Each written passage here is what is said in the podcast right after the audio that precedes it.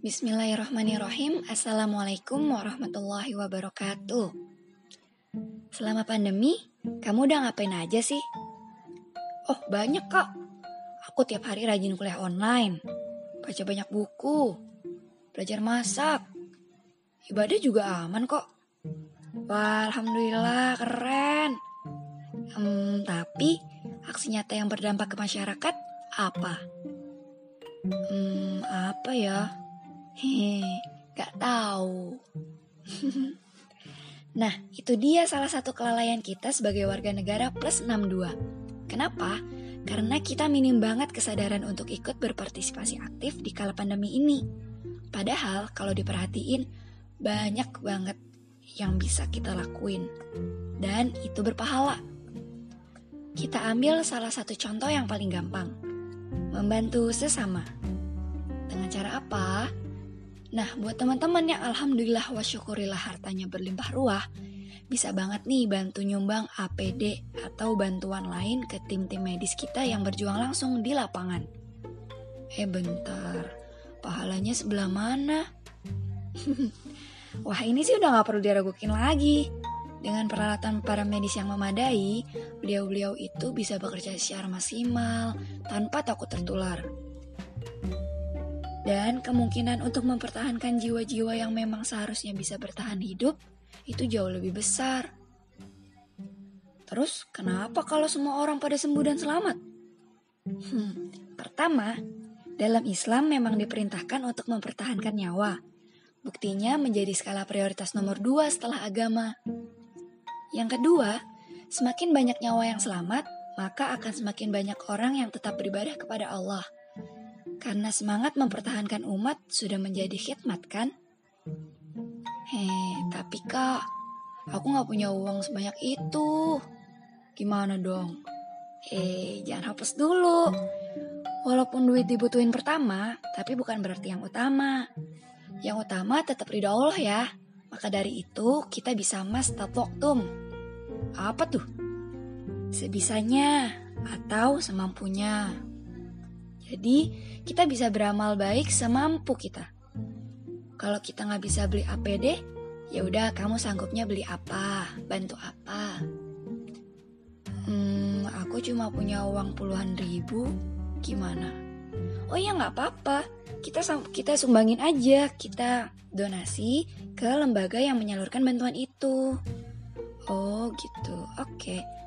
Hmm, tapi setelah dipikir-pikir, ini duit terakhir sih kak. Kalau nggak pakai duit tetap bisa nggak? Bisa. Sekarang gini, kamu punya kelebihan apa? Tenaga kah? Jabatan? Waktu? Atau apa? Hmm, oh, aku tahu. Aku kan ketua organisasi ini. Nah, jabatanmu juga bisa jadi jalan surgamu dalam hal ini. Dengan kamu menggerakkan massa untuk membantu suatu aksi sosial atau gerakan kemanusiaan, wah insya Allah berkah deh, walaupun kamu gak punya uang. Nah, tinggal mulai dibuat aja rancangannya. Konsepnya mau gimana, kebutuhannya apa, relasinya siapa aja, dan lain sebagainya. Tapi perlu diingat ya, semua hal itu harus berdasarkan tujuan awal, membantu untuk berpahala. Gak boleh jadi komersil. Gak boleh ada riba. Gak boleh ada hak adami orang yang kamu comot seenaknya. Ingat, Allah maha melihat lagi maha tahu. Dan semuanya nanti akan dihisap. Kita nggak mau kan yang tadinya niat beramal baik dengan membantu malah jadi amal buruk karena nafsu yang buntu. Oh iya, untuk teman-teman yang sekiranya juga belum bisa bantu dari segi materi ataupun teknis, aku masih ada satu cara lagi nih, yaitu doa. Hah, cuma doa? Hmm, mungkin untuk sebagian orang doa itu nggak ada apa-apanya ya. Tapi untuk seorang mukmin, doa merupakan senjata dan tiang agama, serta cahaya langit dan bumi, seperti hadis Nabi yang diriwayatkan oleh Abu Ya'la. Lagi pula, Allah juga udah janji kok untuk mengabulkan doa setiap hambanya. Allah gak akan ingkar. Ah masa? Aku udah sering kok berdoa biar covid cepat selesai. tapi mana hasilnya? Nah, terkabulnya doa juga berkaitan erat dengan adab berdoa. Barangkali masih ada adab kita yang gak sesuai anjuran atau bahkan jauh dari yang seharusnya. Selain itu, dalam hadis riwayat Tabrani, Allah kan juga udah kasih tahu, Allah mengabulkan doa itu dengan tiga cara. Yang pertama, dikabulkan di dunia. Yang kedua, disimpan untuk akhirat. Dan yang ketiga, diganti dengan mencegahnya dari musibah. Hmm, kali aja hasil doamu itu yang ketiga. Buktinya kamu sampai sekarang masih sehat-sehat aja kan? Alhamdulillah. Dan satu lagi, doa itu pekerjaan fisik yang dilakukan dengan hati. Maka seharusnya setelah berdoa kita melakukan kegiatan fisik berupa ikhtiar yang menunjukkan ke arah doa yang kita sampaikan. Karena percuma kalau berdoa tapi masih suka keluyuran, masih berkerumun, atau masih sekedar nongki minum kopi di warkop gitu.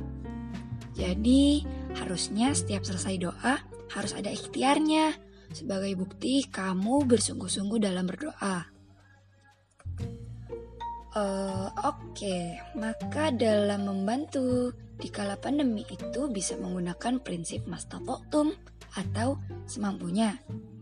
Kalau mampu beli APD, monggo, beli yang banyak. Alhamdulillah disebar, pahalanya ngalir terus. Kalau nggak mampu, donasi seadanya, seikhlasnya dan selayaknya nggak apa-apa. Kalau nggak mampu juga, oke deh, kita bisa luangin waktu untuk sedekah tenaga atau pikiran, ngerumusin untuk bergerak, open donation, dan lain-lain.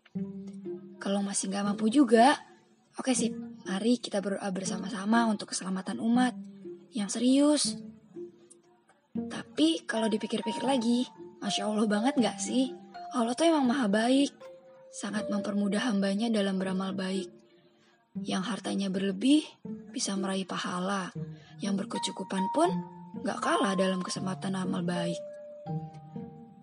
Maka kontribusi diri di kala pandemi itu dengan memanfaatkan diri sebaik mungkin untuk meraup pahala yang berlimpah.